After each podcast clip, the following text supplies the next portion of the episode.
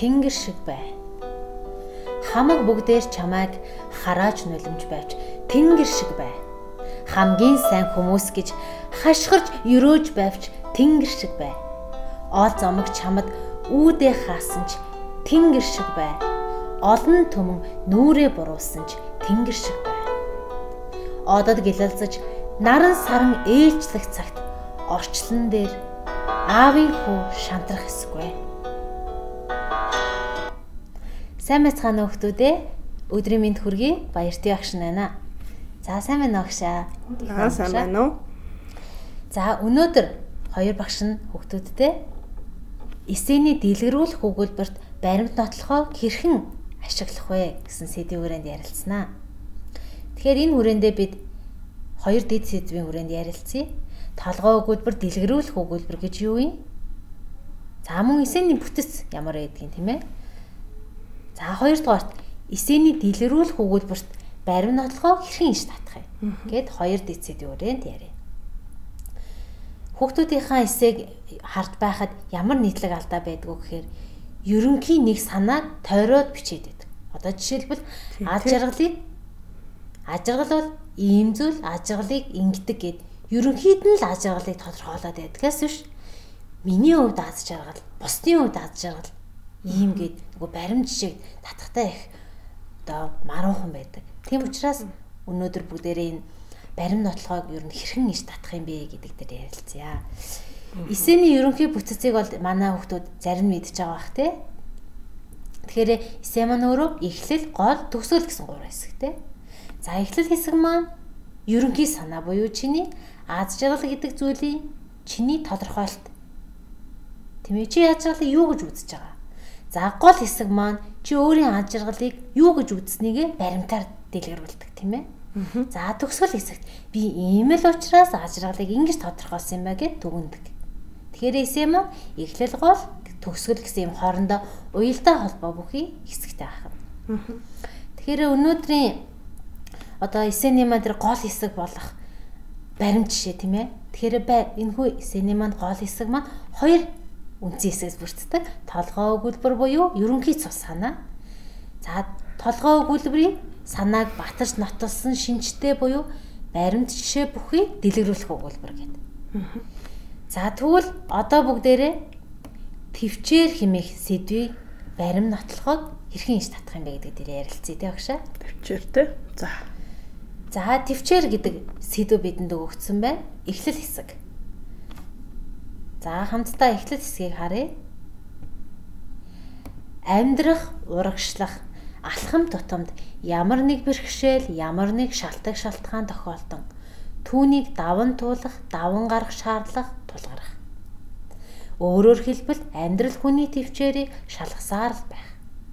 За толгой өгүүлбэр нэг маань дараах байдлаар өгөгдөж гомдох, дургуйцах, зэвүүцэх, тэрл агшинд эсвэл бүр амьдралын туршид ямар нэг хэмжээгээр төвчээр заах тийч гаргал болох.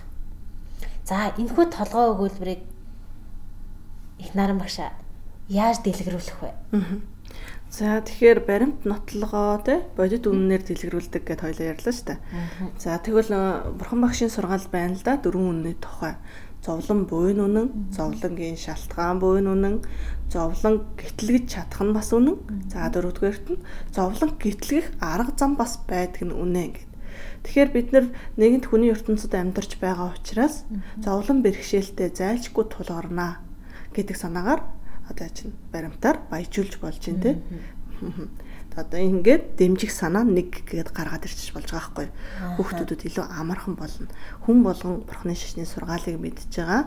Тэгээд бас дээрэс нь хүний амьдралд бэрхшээл одоо саад заавал тохиолддог гэдгийг ингээд оо тийштэйгээ бодоод гаргаад ирчихэж байгаа байхгүй. Тэгэхээр сая их наран багш маань дэмжих өгүүлбэр нэгийг бол бурхан багшийн сургаалаар дэлгэрүүлчихлээ энэ бол өөрөө баримт.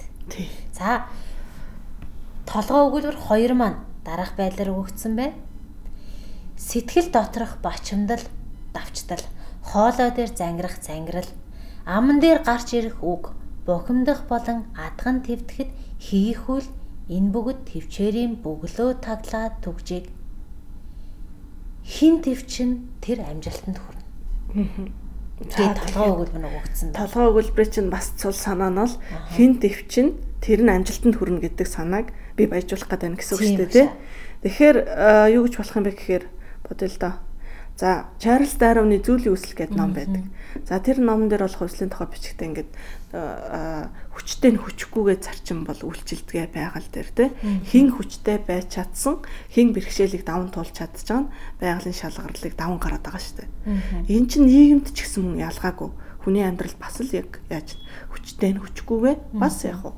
Тэгвэл бэрхшээлийг даван туулж чадсан нь түүний цаана гарч чадсан нь те дэвчиж чадсан нь амжилтанд хүрч байна.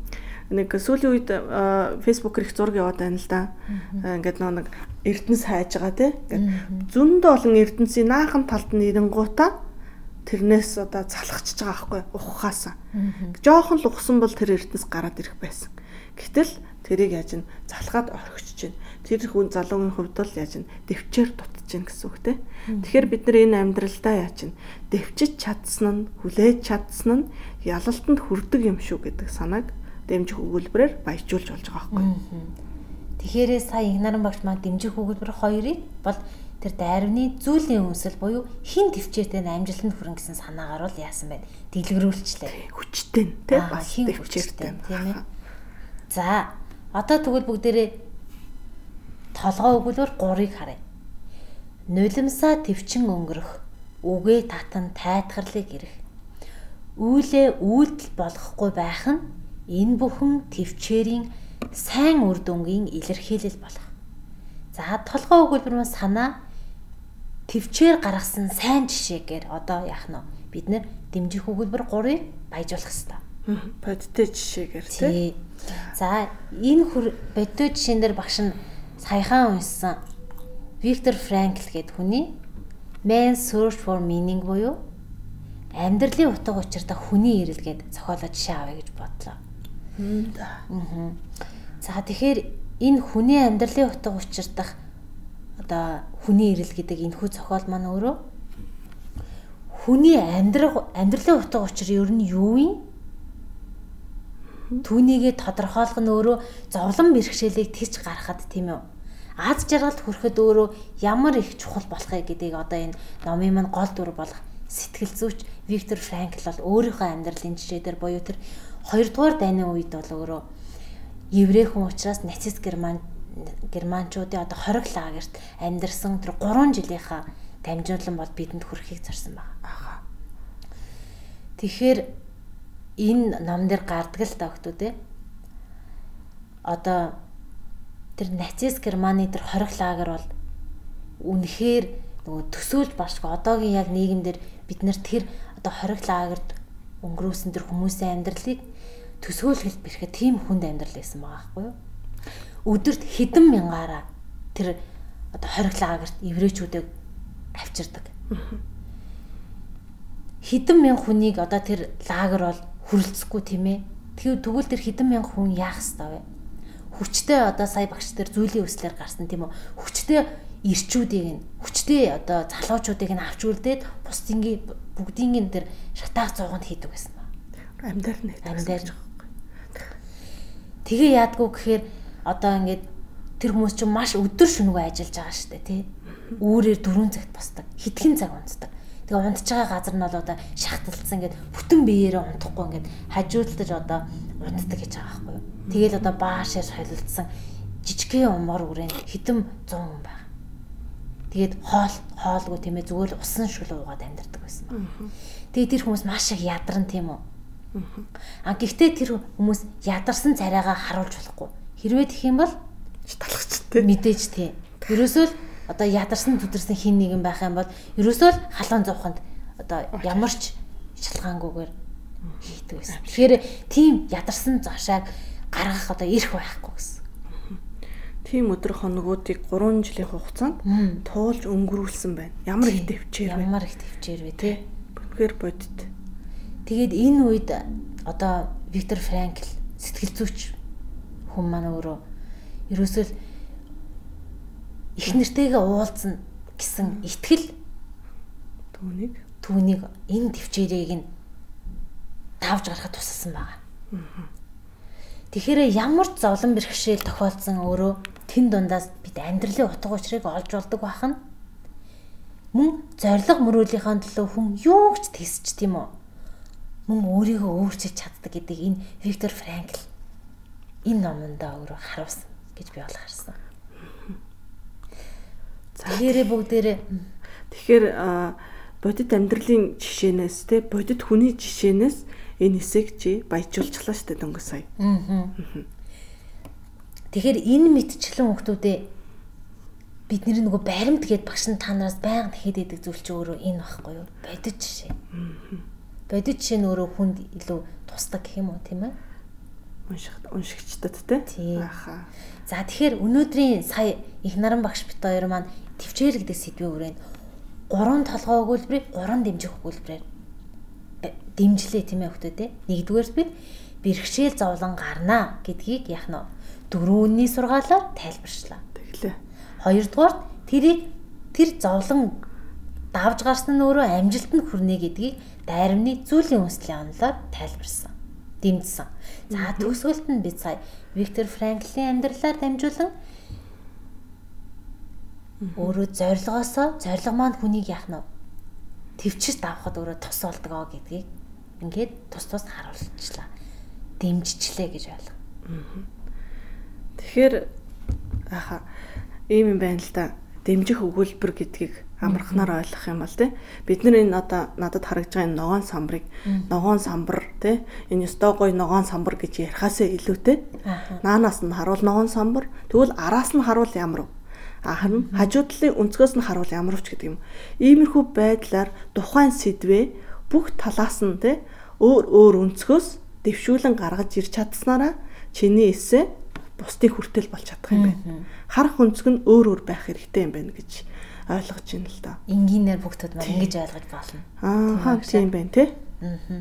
Тэгэхээр эсэнийхээ гол эсхийг бид сая багш ярьсан тэр тал талаас нь барим нотлохоо дэлгэрүүлснээр нэгдүгээрт чинийсээ үнэн болох нь батлагдчихж байгаа. Яг олон баримтаар батлагдчихж байгаа. Хоёрдугаар уншигчдын ихтгэл үлэмжлэлийг төрүүлдэг байна.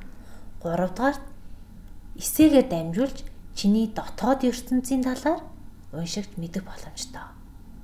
Эсээ ч өөрөө бидний дотоод ертөнцийг таних нэг хэрэгсэн шүү дээ, тийм ээ? Аа. За.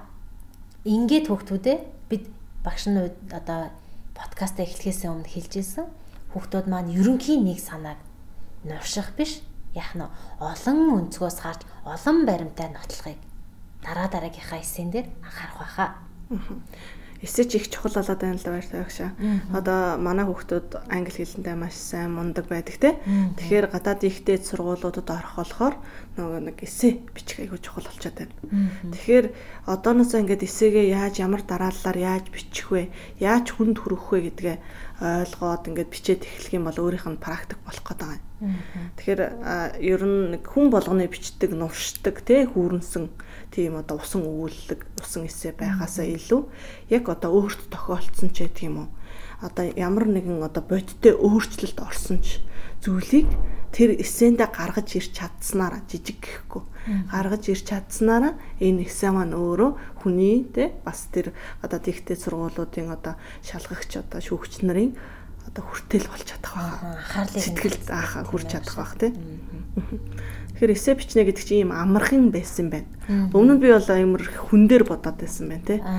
Яаж гоё болгох вэ тий? Ямар гоё үйлбэр тий нэмчүүл энэсээ маань гоё болох болоо гэд нэг хэлбэр тал дээр нь анхаарат байсан байна. Аа ингээд хоёлаа ярилцаад эхэлсэн чинь ерөөсөө одоо юу гэдгийг тактиктагаар бичгэнэ штэ. Бүх дарааллыг нь ойлгоод тэрэнд нь тохирсон тохирсон санаануудыг чи одоо гаргаад ирэх юм бол чиний эсэ амжилттай бичигдлээ гэж ойлгож болох юм байна. Аа. Гой санаа. За энэ хүрээд бидний подкаст өндөрлж байна. Ингээд хүүхч үлдтэй амжилт хүсье. Баярлалаа. Цорын ганц хүү минь бас охид минь хүүхдүүд минь цохолж ирэх үйлийн үрээс бүү зүхт бүү ай. Хувь заяата ямагт ивлэрч төвчээртэй бай. Хуучин цагийн мэрэгд хүлээж сурсан юм шүү.